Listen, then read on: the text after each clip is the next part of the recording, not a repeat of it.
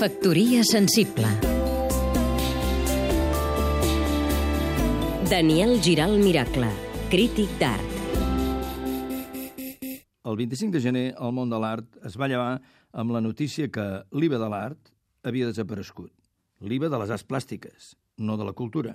Però lluny de ser una bona nova, això va ser una broma, i una broma de mal gust, perquè la rebaixa que el senyor Montoro anunciava d'un 21% a un 10% era només aplicable en les transaccions que els artistes fessin directament.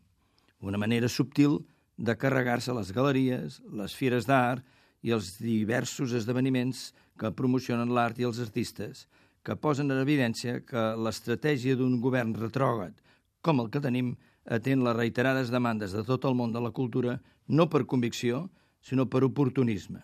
Perquè aquesta rebaixa de l'IVA la feia pública el Ministeri poc abans de la celebració de la Fira de les Fires a l'Estat, l'ARCO, que s'inaugura el proper dia 19.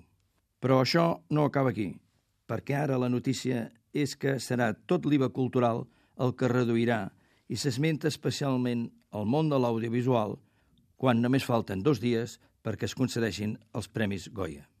Queda clar que per aquest govern la cultura no és una prioritat.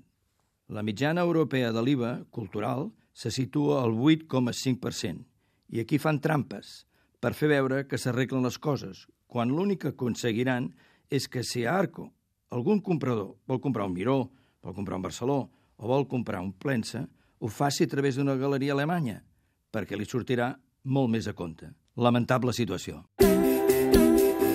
Factoria sensible Seguim-nos també a catradio.cat